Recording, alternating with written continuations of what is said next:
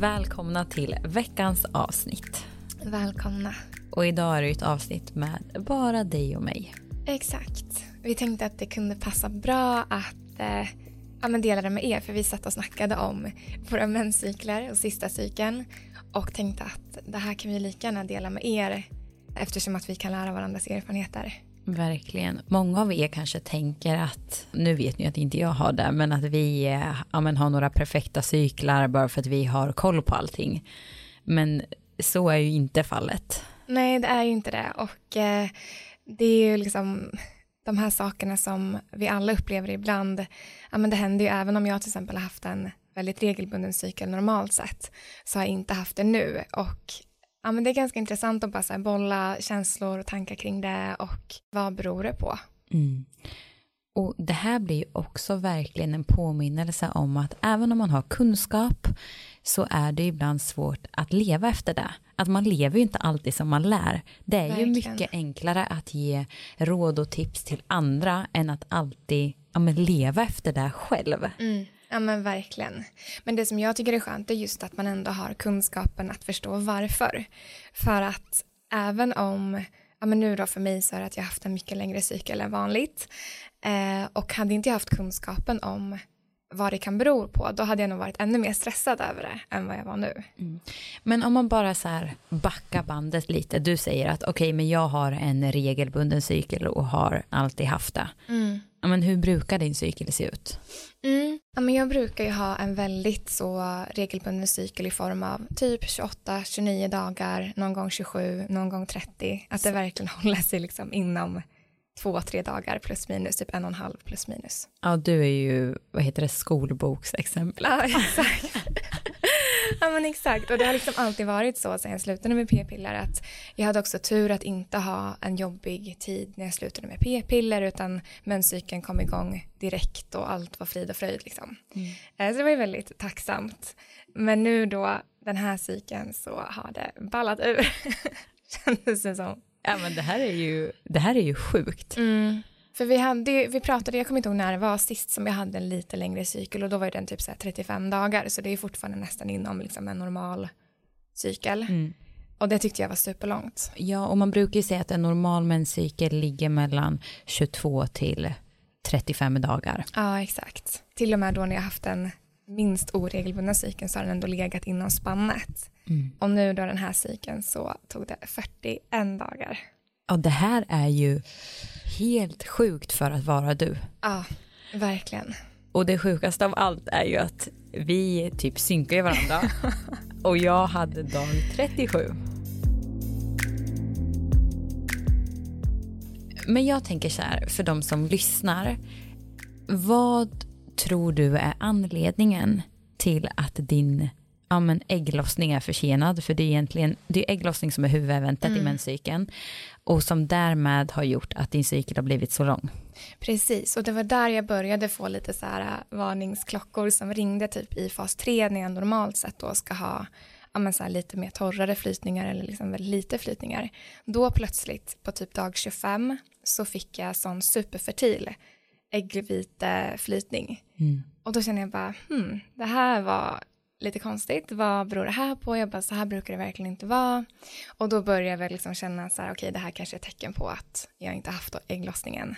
Nej, för du tar ju inte tempen. För Exakt. Tar man tempen, då vet man ju oftast mm. om man har haft ägglossning eller inte. Men Precis. det gör ju inte du. Nej, exakt. Eftersom att jag har haft så regelbunden menscykel alltid så har inte jag känt ett behov av att ta tempen. För jag har vetat ungefär, ja men inom det här spannet så har jag ägglossning. Och då har jag kunnat skydda mig då och, eller inte ha sex liksom. Um, men den här gången, och det är också just för att jag vet också mitt fertila sekret, det känner jag också igen väldigt väl. Och den här gången då så stämde det inte alls överens tidsmässigt. Uh, så då började jag känna, jag bara, nej det här är, jag kommer antagligen inte få mens som vanligt liksom. Nej. Och jag tänker ändå för om, om man kollar liksom månaden innan, vi mm. var ju ändå på Sri Lanka, Nej, men vi, vi levde ju vårt bästa liv. Verkligen, alltså vi mådde ju båda så bra. Ja. För det var ju, ja men vi var ju där i nästan tre veckor. Mm. Och eh, ja, men jag har ju lite IBS annars, eller eh, till och från liksom. Och under Sri Lanka-tiden så mådde min mage så bra och så här, man sov och man var inte stressad. Allt var liksom på sin plats. Och det kände vi båda. Och det är det jag tror hände att sen kom man hem, dels är det ju en tidsskillnad i tidszoner, vilket påverkat menscykeln jättemycket generellt. Plus att man kom tillbaka och hamnade i en så här, ja men en stressig vardag igen. Som vi inte hade haft på Sri Lanka. Mm. Så jag tror ju att det är framför allt stress i kombination med tidszon och att man då liksom bröt upp alla liksom matvanor och dagsrutiner, allting slängdes liksom upp och ner. Mm. Ja, för någonting som blir väldigt påtagligt för att Eh, men där jag kunde märka eh, var ju, ja men dels, jag skulle ju haft egentligen ägglossning ungefär när vi åkte. Mm.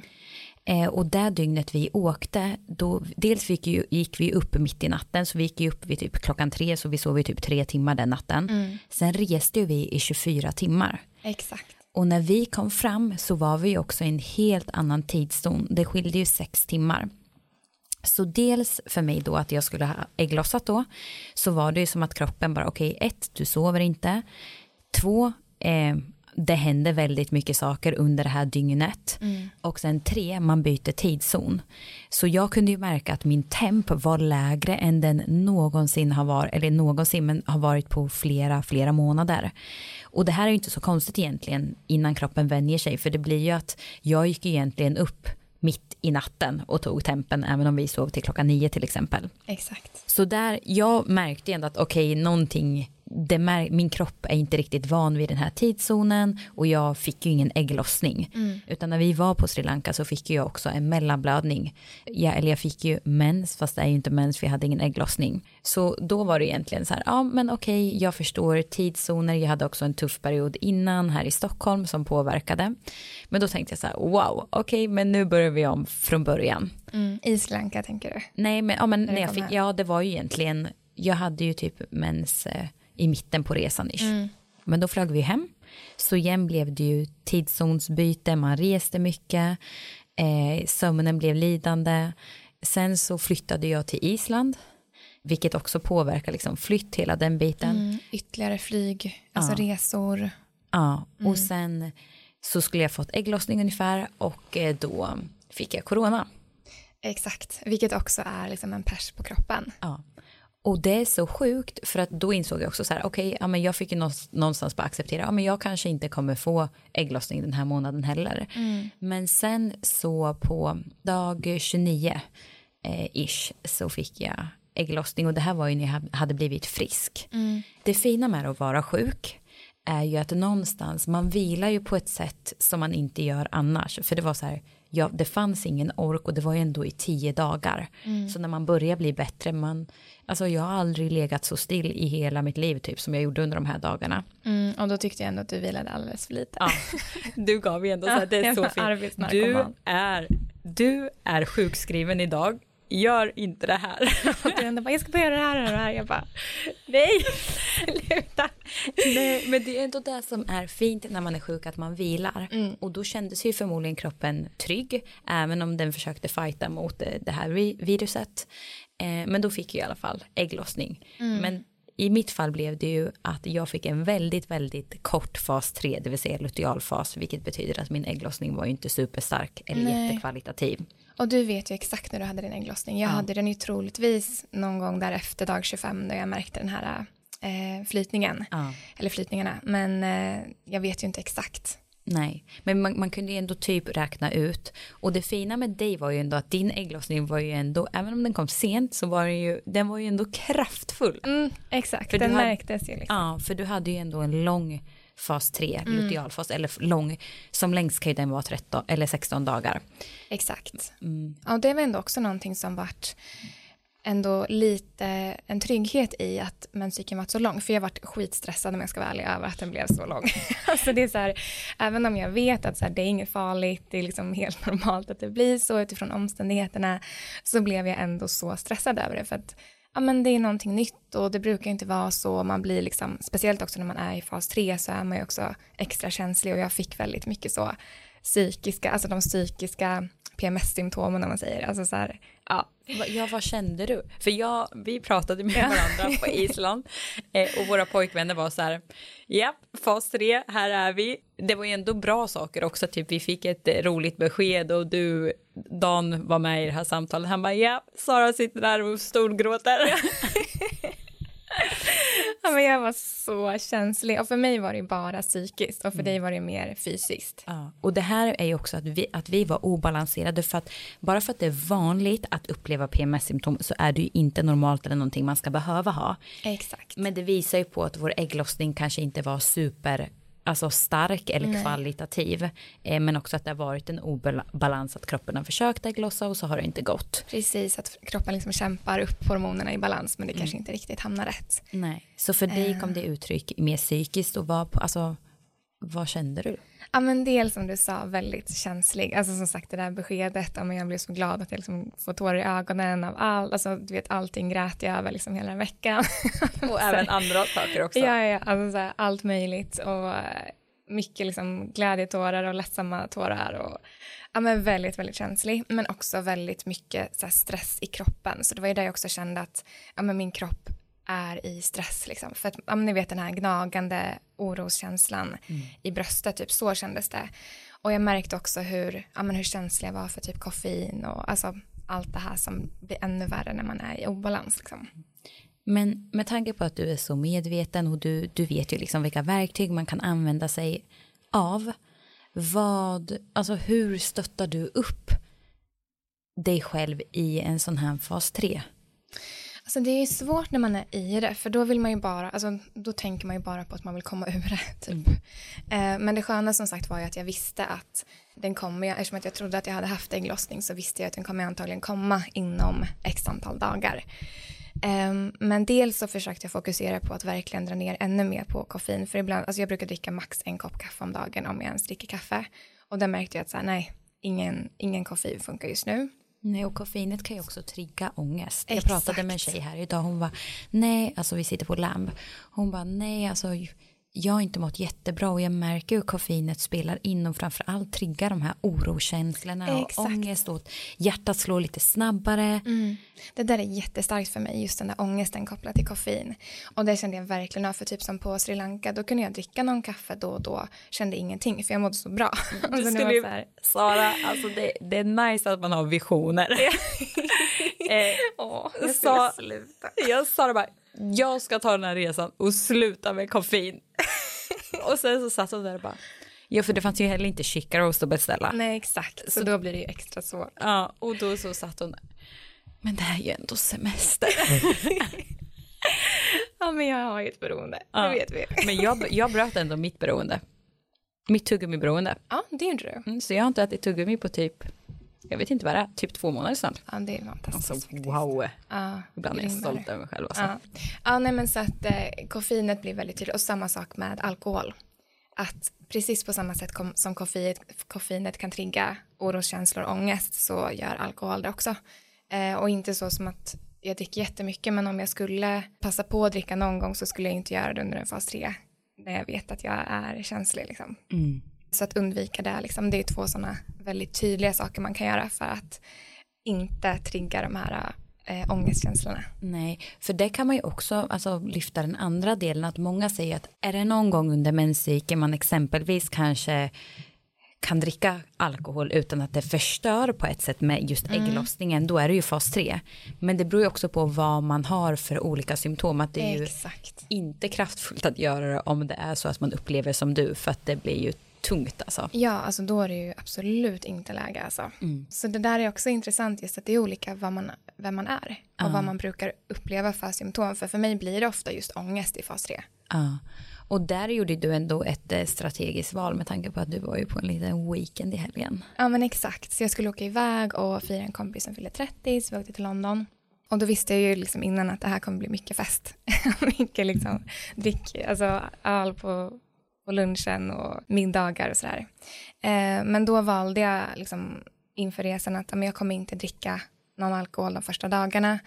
Och sen på kvällen så höll jag det liksom till ett par glas och mådde jättebra. Så att det funkar ju liksom att när man är medveten om det så gör det jättestor skillnad att faktiskt ja, ta hänsyn till det. För jag vet annars så skulle jag haft den värsta bakisångesten och det är inte kul på en fas 3. Nej. Och det är så här, en fas 3 ska ju inte vara så här. Det, Nej, vi vill verkligen inte normalisera Nej, det här. nej, Utan anledningen till att vi lyfter det här är också för att många gånger tänker man ju att, ja men, man kanske tänker att vi sitter på någon pedestal och tror, alltså så här, Är perfekta, ja, och liksom, gör alla rätt. rätt. Och det är så här, ni vet ju att jag inte har gjort det. men, men alltså så här, någonstans, alltså, så det är så viktigt att lyfta de här delarna och också så här, vi är mänskliga och men Exakt. också för att förstå för det som jag har tyckt är så himla himla kraftfullt nu när båda vi gått igenom det här det är ju att det har blivit så påtagligt med vilka delar är det som faktiskt påverkar menscykeln. Ehm, men också som du säger att, ja men som mig förra veckan, för jag har ju faktiskt inte haft ägglossning sen jag gjorde aborten. Och det har ju varit så här, men det har ju säkert blivit en följd av det att kroppen har gått igenom det samtidigt som ja, men det här resandet, det har hänt andra saker i mitt liv som har påverkat och flytt, man, alltså man märker hur mycket som påverkar men förra veckan kunde jag verkligen så här okej, jag visste ju att jag hade haft ägglossning eller jag kunde ändå så här, det borde vara det. Um, och det är ändå så skönt att så här, okej jag känner de här känslorna men man kan någonstans bli mer objektiv för att man förstår varför och inte att så här, det är så här det ska vara men jag kan ändå bara okej det är så här nu någonstans kan jag känna en acceptans mot det och också till att jag var inte alls sugen på att träna på samma sätt och jag bara nej. Eh, jag kände mig känslig på ett sätt som du sa, alltså på ett annat sätt än vad jag brukar göra. Men också mycket mer stresskänslig. Men sen känner jag fysiskt. Mm, vilka symptom upplevde du? Ja men alltså jag blir så svullen. Alltså här nere, det är så här. Ja, det vart jag också dock i slutet. Ja, alltså jag bara, åh herregud, det, det är som att jag typ ser gravid ut liksom. Och det gör ont. Så jag känner ju mycket så sen i brösten. Ehm, så att, ja, och ökad hunger och sug. Alltså jag satt i Olvar och bara, nej alltså för vi har ingen mixer. Så annars hade jag ju bakat någonting som jag bara kände så här för att även om man fyller på med bra fetter och protein som jag alltid gör typ i fas 3 för då är det så här jag är mer hungrig vilket är naturligt med tanke på att progesteronet ökar ämnesomsättningen ökar. Så det är så här känner ni er extra hungriga? Det är helt helt naturligt. Så ge dig själv där du behöver. Men även om man äter tillräckligt med mat så kan man bara känna så här nej men jag är mätt men jag, jag vill bara ha något gott och det var så här det suget jag hade förra veckan det var så här ah, det här är helt sjukt Mm. Men vi pratade om det här på lunchen förut också att eh, nu är det ju fas 1 och du känner fortfarande ett sånt sug. Och då reflekterade vi över det att så här, ja men det kanske är ett tecken på just att så här, ja men du har så mycket stress på olika sätt att då är ju kroppen desperat efter energi. Att så här, då kanske det inte är just att man behöver inte vara i fas 3 för att känna det där liksom extra energisuget eller vad man ska säga. Utan det kanske är ganska naturligt egentligen. Ja, och det är ju när man till exempel är ja, men extra trött, då vet man ju att så här, ja, men antingen vill man ha någonting som ger en snabb energi, eh, men där man kanske egentligen är, behöver, är att man behöver sova. Exakt, man behöver ta en nap typ. Men Ja. så trycker man i sig en energidryck eller någonting. Ja, och det märker jag att min kropp är så känslig just nu. Så eftersom att jag flög igen i lördags, då gick jag ju upp supertidigt, för vi ligger ju två timmar bakom Sverige på Island. Och då sov jag fyra timmar. Och jag märkte ju, för jag har en så här åraring, så jag kan ju se mitt HRV-värde som Mm, ett tecken på välbefinnande. det. Så lågt det var idag. Det är skrämmande. Men det är också så här, när man kommer till Stockholm, jag bokar in sjukt mycket. Jag har haft Instagram-veckan, eh, Ja. vilket blir en sjuk load och man ser det, att typ hur det skiljer. Och det är så här, hela dagen igår, även om jag också gjorde bra saker, så är det, att det, är så här, det är så inbokat. Precis, det är för mycket. Det spelar ingen roll om det är kul saker liksom. Nej. Men kan du inte berätta mer om HRV? Vad, vad står det för? Vad betyder det? För det här, jag tycker det är jätteintressant också, exemplet från Sri Lanka. Ja, jag är inte så pass insatt. Jag har den här ringen och det här är inget samarbete eller någonting utan det är så här. Jag har den här ringen för att jag vill se mer hur min kropp mår på insidan. Mm, och det är en åraring. Ja, och det är framför allt återhämtning jag vill se. Så att där det mäter är ju HRV och det är men, ett tecken på välbefinnande. Exakt, och det står för heart rate variability. Exakt. För den mäter ju skillnaden mellan ditt resting heart rate och ditt alltså högsta Ja, heart rate. något sånt här typ. Ja, och det man kunde se var att innan jag åkte till Sri Lanka så då var det ganska liksom intensivt Och sen så kom vi till Sri Lanka och i slutet på Sri Lanka då låg mitt värde upp mot, och man kan inte jämföra det här, för någon kanske det här är superlågt och för någon annan är det högt. Alltså det är så här, det går inte att jämföra. Eh, men för mig låg den på typ 70. Eh, och jag tror den var uppe på 80 eh, när vi skulle flyga hem, vilket är superhögt, för innan låg jag på typ 36. Mm. Och som sagt, jämfört då, du kan ju se då jämfört med tidigare veckor och perioder och då ser du vad som är normalt för dig. Mm. Och då var ju 70-80 helt otroligt bra. Ja, och det här var liksom på två och en halv vecka. Så det visar ju att man var ju lugn på ett annat sätt. Sam, för man, ja, men man var i solen, man var i naturen, man rörde på sig Ja. och Kan vi inte berätta hur våra dagar såg ut på Sri Lanka? jo, alltså wow. Ja, men just för att det som jag tycker är intressant att ta med sig från det är just att det blev ett sånt tydligt tecken på hur livsstil det funkar. Alltså det gör skillnad. Och det var ju, ja, men vi vaknade upp, så vi gick upp runt åtta. Ehm, och sen så, jag mediterade ju oftast på morgonen. Ehm, Och sen gick vi till yogan. Ja. Och sen så ja, men kom vi tillbaka från yogan och då hade vi världens bästa frukost. För vi hade en otrolig värld, för vi bodde på ett Airbnb först. Exakt. Och det var ju helt otroligt. Ja, och då åt man liksom frukost i trädgården med utsikt över vattnet. Ja, men det var så här superfridfullt och mysigt. Ja. Och sen så gick vi vidare till något café, så satt vi där och jobbade. Mm, åt lunch, kanske gick vidare till något annat ställe och satt och jobbade. Om vi satt vid stranden gick vi en promenad på stranden. Ja. Och sen åkte vi någonstans åt middag. Mm. Och sen kom vi hem och la oss. Så det är vi typ gick så här åtta, nio. Alltså jag har aldrig i hela mitt liv gått och lagt mig så här tidigt. Nej. Ja, men så, så var ju våra dagar. Så det var ju mycket så här, men kanske promenader på stranden. Vi körde lite träning också, men då var det mer så här YouTube-träning eller vi tog en joggingtur. Bara för att få liksom röra kroppen. Och typ så här, för mig en stor skillnad var ju att man kollade ingenting på Netflix. Man satt inte och typ slöskrollade på Instagram som man gör annars. Alltså allt det där som man typ bara matar hjärnan med försvann ju helt. Vi låg ju och läste på kvällen liksom. Ja. Sen så jobbade ju vi ändå väldigt, väldigt många timmar. Så det är det som också blir så häftigt att se. Hur man kan jobba så många timmar. För vissa dagar kunde det bli 12 timmar. Men det spelade ingen roll där för att det var, det var inget annat brus. Exakt, man fyllde inte upp resten av tiden med liksom annat som tog upp ens energi utan då fyller man snarare på med energi. Så det var ju våra dagar.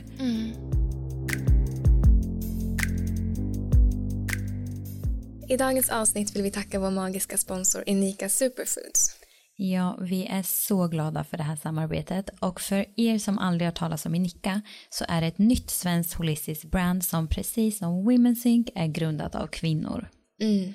Och anledningen till att vi älskar Inika är ju för att deras produkter är gjorda på naturliga ingredienser och att de är helt fria från tillsatser. Mm, det här är så viktigt för oss.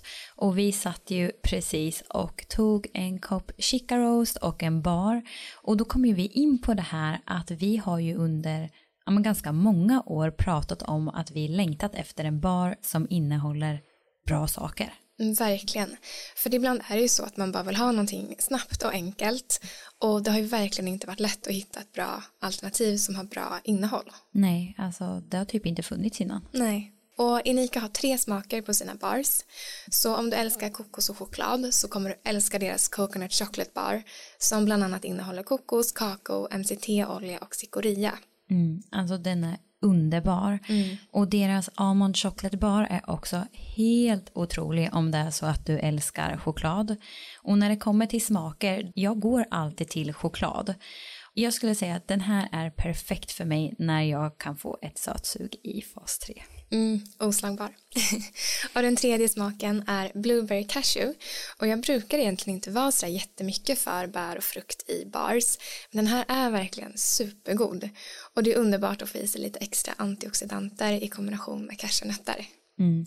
Och jag skulle säga att den här smaken är ju den typiska fas 2-baren när man inte är lika sugen på sött eller något chokladigt som man kanske är i början av fas 1 eller i fas 3. Mm, verkligen sant. Och utöver bars så har de också flera andra produkter. Så kolla in deras sortiment på deras Instagram eller hemsida. Och uppge koden WomenSync20 med stora bokstäver så får du 20% på ett helt köp. Mm. Tack Inika Superfoods för ett underbart samarbete. Tack.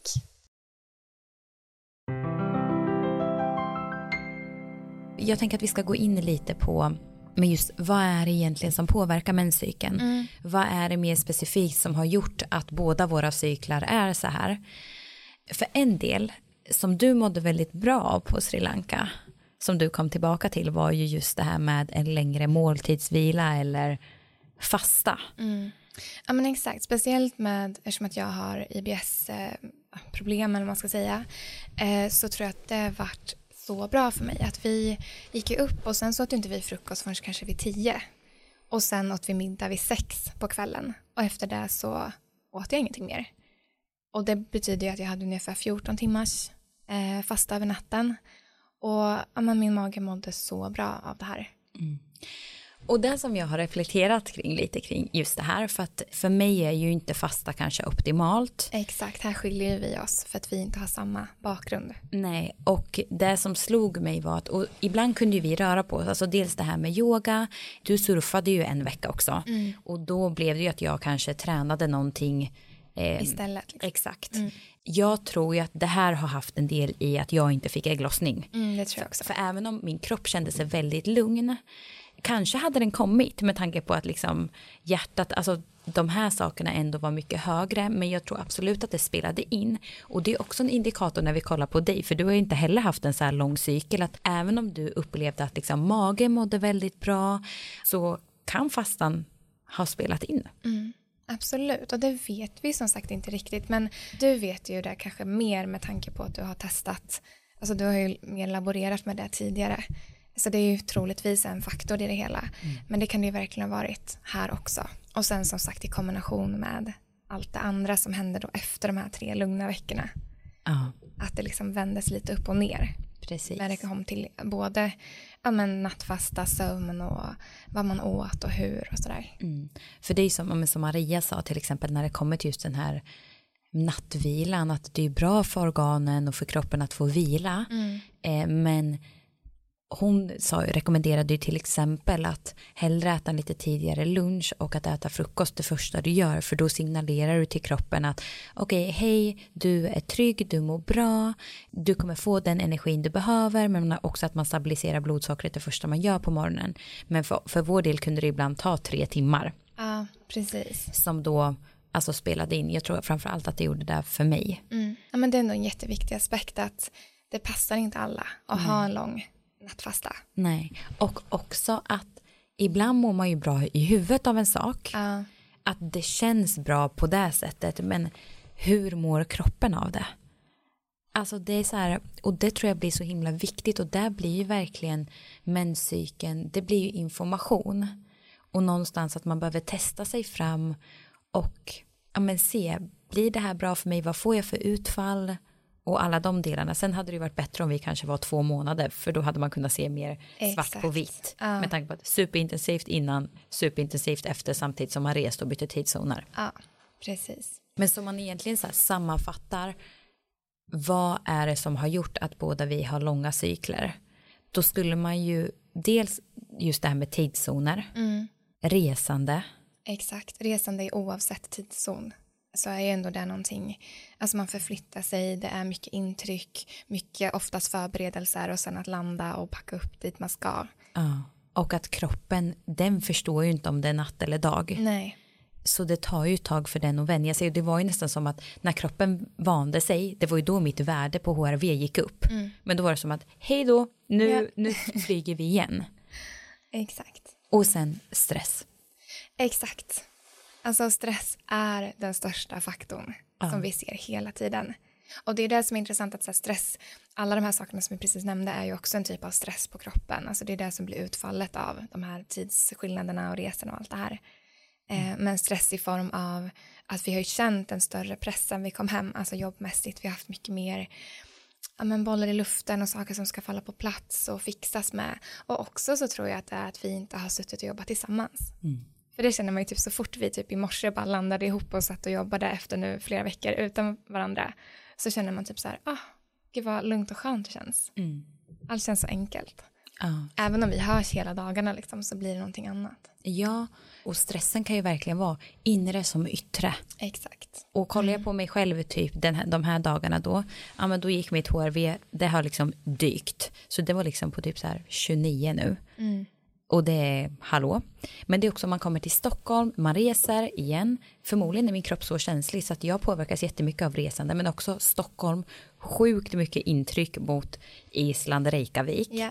Och man bokar in så himla mycket. Exakt, du har ju liksom också träffat då massa människor och det är mycket som ska hända hela tiden. Och det har jag också märkt, jag tror att en anledning för mig har också varit att jag har haft väldigt mycket privat. Att vi har haft mycket på jobbet men jag har också haft väldigt mycket privat. Och det har egentligen bara varit så här, ja men roliga saker, alltså folk som fyller år och familj som fyller år och resor som ska planeras och ja, mycket sånt. Men väldigt, väldigt mycket planerande och sociala saker. Så att även om det är roliga saker så har det blivit någonting som har känts som en stress. Ja, och det är så intressant för vi skrev ju just om eh, ett blogginlägg kring det här. Vad påverkar ägglossning? Och då pratar man ju just om stressen och stressen kan ju vara roliga saker. Exakt, och det glömmer man för att man tänker Ja. här, jag får inte tycka att det här är stressigt, jag måste bara tycka att det är kul. Ja. Och det kan ju vara att man ska gifta sig, att man ska på semester, Exakt. alltså att man ska ha en födelsedagsfest. Alla de här sakerna kan vara stress. Och det, det kommer att påverka vår kropp. Och det är så här, hade inte jag haft svart på vitt nu, jag, hade, jag har ju känt att hjärtat slår lite snabbare, alltså det vet jag ju. Men jag hade ju inte förstått riktigt konsekvensen av det. Det blir ju nu för mig att okej vad jag behöver det är ju skapa utrymme för återhämtning. Och mamma sa det, det räcker att blunda och andas en minut för att det ska kunna höjas. Men hur ofta gör man det på en dag då? Nej men det gör man ju inte och så länge liksom tankarna susar runt så tar man sig inte den tiden liksom. Nej. Men det här, alltså, det känns så himla viktigt att lyfta de här sakerna för att ofta känns det som att menscykeln är så opåverkbar på ett sätt. Precis, att den är sitt eget system. Ja, Men så är det inte. Nej, och att livsstilen är ett så kraftfullt verktyg. Och vi brukar också prata om att så här, det kan bli overload av information. När man bara så här, ska jag göra det här, ska jag inte göra det här? Men alltså, även om vi vet mycket, jag kan bara känna ett lugn i att okej, det är så här på grund av det här. Exakt. Och genom att göra de här sakerna så kan jag stötta mig själv. Ja men verkligen. Och det är exakt så jag känner också nu med eftersom jag hade en 41 dagars cykel nu då att ja men det vart en jättestress först för det var någonting nytt, någonting ovant som kändes jobbigt att åh nej det här är ju inte ett bra tecken såklart. Samtidigt som jag kände att sen kommer ju mensen till slut, alltså kroppen, jag kan lita på min kropp. Alltså den vet alltid bäst. Och det gäller bara att lyssna på den. Och jag vet ju det att jag har ju inte lyssnat när det kommer till stress, när det kommer till de här sakerna men jag vet att det är någonting jag kan göra annorlunda. Att det är verkligen, allt det här går att påverka och det är det som är så himla fint och kraftfullt. Och sen också till de som lyssnar som kanske har, för det här hände en gång för dig. Ja. Det finns ju en frustration i för de som har det här väldigt länge och där man känner att man gör rätt saker men att det ändå inte ger resultat. Men det jobbar också i det tysta. Verkligen. Så att våga ha tålamod att du gör rätt saker men man behöver vara konsekvent och om och om igen visa för kroppen att den är trygg och att man ger den vad den behöver i form av näring, återhämtning, träning. Så det är också så här att ha en oregelbunden menscykel eller om man har utebliven mens eller vad det nu kan vara. Det är oftast väldigt många år av en livsstil som inte är formad utifrån just din kropp som har lett till att du är där du är och det här handlar inte om att lägga någon blame eller lägga ett ansvar för, på dig eller på oss själva för det är så här, vi lever ju en livsstil som vi har vuxit upp i att så här ska du leva. Exakt, det är ju samhället som har format oss in i den. Det är ingenting som, alltså det är ingenting vi kan skylla oss själva för. Nej, utan det viktiga blir ju nu mer att med den här kunskapen om att vi lever på ett sätt som kanske inte är format utifrån oss själva. Okej, hur behöver jag leva utifrån min kropp? Och att ge sig själv där man behöver utifrån det. Det blir så viktigt. Precis, och precis som du säger att lika lång tid som det kanske har tagit att få de här symptomen eller vad det nu är man har för symptom, lika lång tid kanske det behöver ta att få tillbaka det, eller inte lika långt men det kan ta tid. Ja, och jag tror att det blir viktigt att uppmärksamma de här små sakerna på resan. För jag vet att många som har utebliven mens till exempel, ja men jag börjar känna lite förändringar. Exakt. Alltså det är magiskt. Alltså det är ju exakt där du ska fokusera på. Eller som för dig, okej nu var det 41 dagar. Nästa cykel kanske inte är 28 dagar. Utan den kanske, den kanske är 28 dagar. Eller så är det att den är 41 dagar men du upplever inga symptom. Så hela tiden se de här förbättringarna. Mm. Och ha tillit till processen. Att Precis. veta att du gör rätt saker då... Då, Då kommer det komma. ja. Och det är ju det som vi hela tiden påminns om, både från våra egna personliga upplevelser men också från communityn. Att vi ser ju varje dag hur alla de här sakerna händer. Och det är verkligen, kroppen är så fantastisk och den vet vad den gör och den gör det för vår, vårt eget bästa. Mm. Eh, Så att, ja, det gäller bara att ha tillit till processen. Ja, och att vi ger oss själva resurser för att liksom klara av en ägglossning. Och vad, vad är resurser för dig? Det, det skiljer sig åt för vi är alla olika. Så även om det fungerar för någon annan behöver det inte vara att det fungerar på exakt samma sätt för dig. Eller att det tar, för någon kan ju känna, du kan ju känna skillnad direkt kanske när du gör en förändring. Men för någon annan tar det lite längre tid. Och det är ändå tre månader tar det ju för ett ägg att mogna. Så gör man föränd- livsstilsförändringar man kan känna av det direkt, det är det som är så häftigt. Som typ dig med kaffe. Okej, jag struntar i koffein en dag, okej jag märker att ångesten minskar, magiskt. Eh, men när det kommer till äggkvalitet eller andra delar som är liksom lite mer djupgående, då kan det ju ta tre månader. Precis. Och det är så viktigt att komma ihåg att den äggkvaliteten är verkligen påverkbar. Under de här tre månaderna så påverkas den av hur du lever. Mm. Det finns alla möjligheter. Ja, verkligen. Jag tänkte en sista fråga till dig Sanna. Mm. Som sagt förra avsnittet var ju om din abort. Så jag tänkte att det vore jätteintressant att höra hur den här tiden efteråt har varit. Mm. För nu har det gått några månader, Ja, nu har det gått typ, eh, tre månader. där måste typ räkna, december, januari, februari, mars. Ja, tre och en halv månad ish. Och det är ju, alltså samma här blir det ju så himla, alltså svårt att säga. För hade man kanske levt på ett annat sätt där saker hade varit mer stabila och lugnt så kanske det hade, kroppen hade upplevts på ett annat sätt eller det hade liksom hade varit bättre men det har ju varit sen vi spelade in, vi spelade in avsnitt i slutet på januari sen valde vi att inte släppa det eh, på ett tag för att det liksom behövde landa och processas men eh, efter det så var det ju, ja men Sri Lanka, eh, det blev klart med Oliver, vi flyttade till Island, det har varit mycket resande. Ja men för mig har det ju varit att jag har inte haft någon ägglossning sedan dess. Förutom den här månaden då. Och jag tror att för efter, när vi spelade in just det avsnittet, då hade jag precis fått mens och det var ju fem veckor efteråt och det är många i communityn som har berättat sina stories nu och alltså man blir så berörd. Alltså den kärleken vi har fått är ju helt otrolig.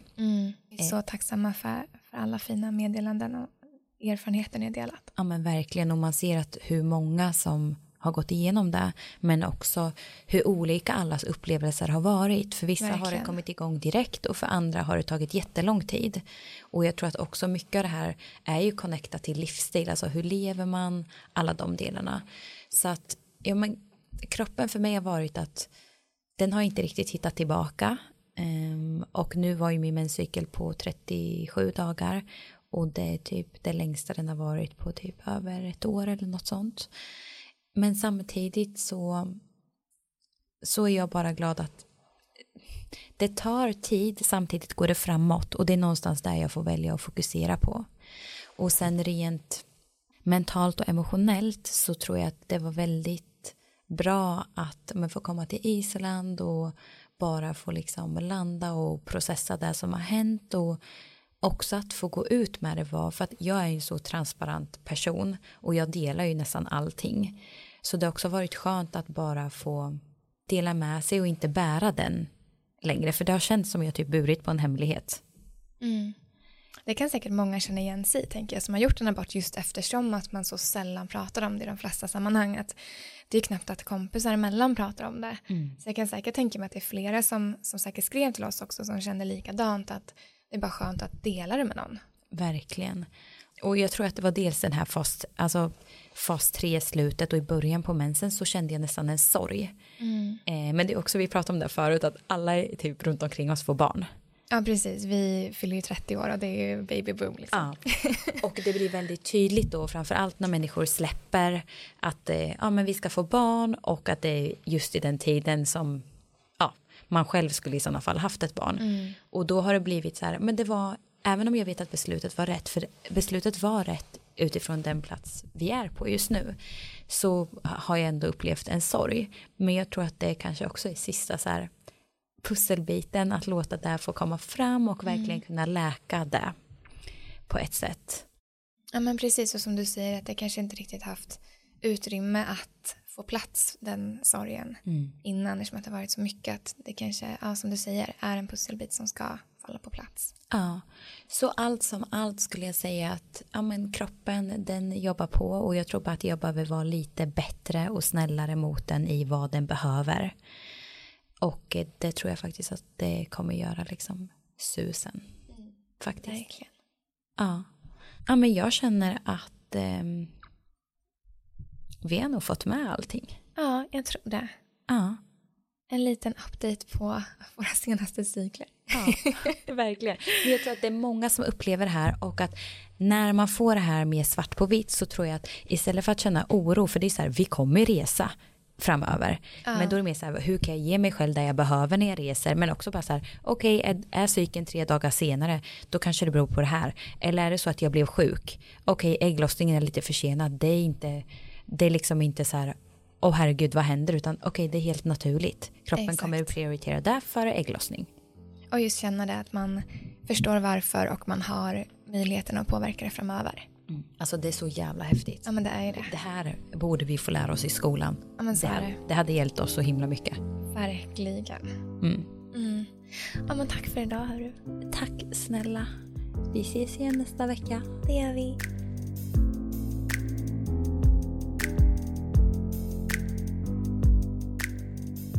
Vi vill bara passa på att lyfta vår nya produkt Chica Roast. Ja, det här är en så efterlängtad produkt för alla oss som vill minska på vårt koffeinintag och har letat efter ett alternativ till kaffe. Ja, för vi har ju faktiskt letat och letat efter ett alternativ som ja, skulle påminna om kaffe i smaken men som inte rubbar hormonerna och inte urlakar kroppen på viktiga näringsämnen. Och Chica Roast blev helt enkelt svaret på vårt sökande. Precis. Och Chica Roast är gjord på 100% ekologisk cikoria-rot och har en smak som påminner väldigt mycket om kaffe med de här rostade och nötiga smakerna men samtidigt har en hint av choklad och lite sötma. Den är ja, men, så god. Och vi vet ju hur viktig ja, men, den första koppen kaffe är på morgonen för ja, men, många av er. Och ja, men, nu har vi äntligen hittat ett alternativ som toppar kaffe. Verkligen. Och det bästa med den här produkten är att den till störst del består av den prebiotiska fibern inulin. Och inulin kan ha en mängd positiva effekter för både matsmältning och även för blodsockret. Och dessutom så har den lugnande effekter. Så man kan dricka det på eftermiddagen och på kvällen utan att det påverkar vår sömn. Vi hoppas att ni är lika taggade som oss på att testa den här produkten och du hittar den på vår hemsida womensync.se.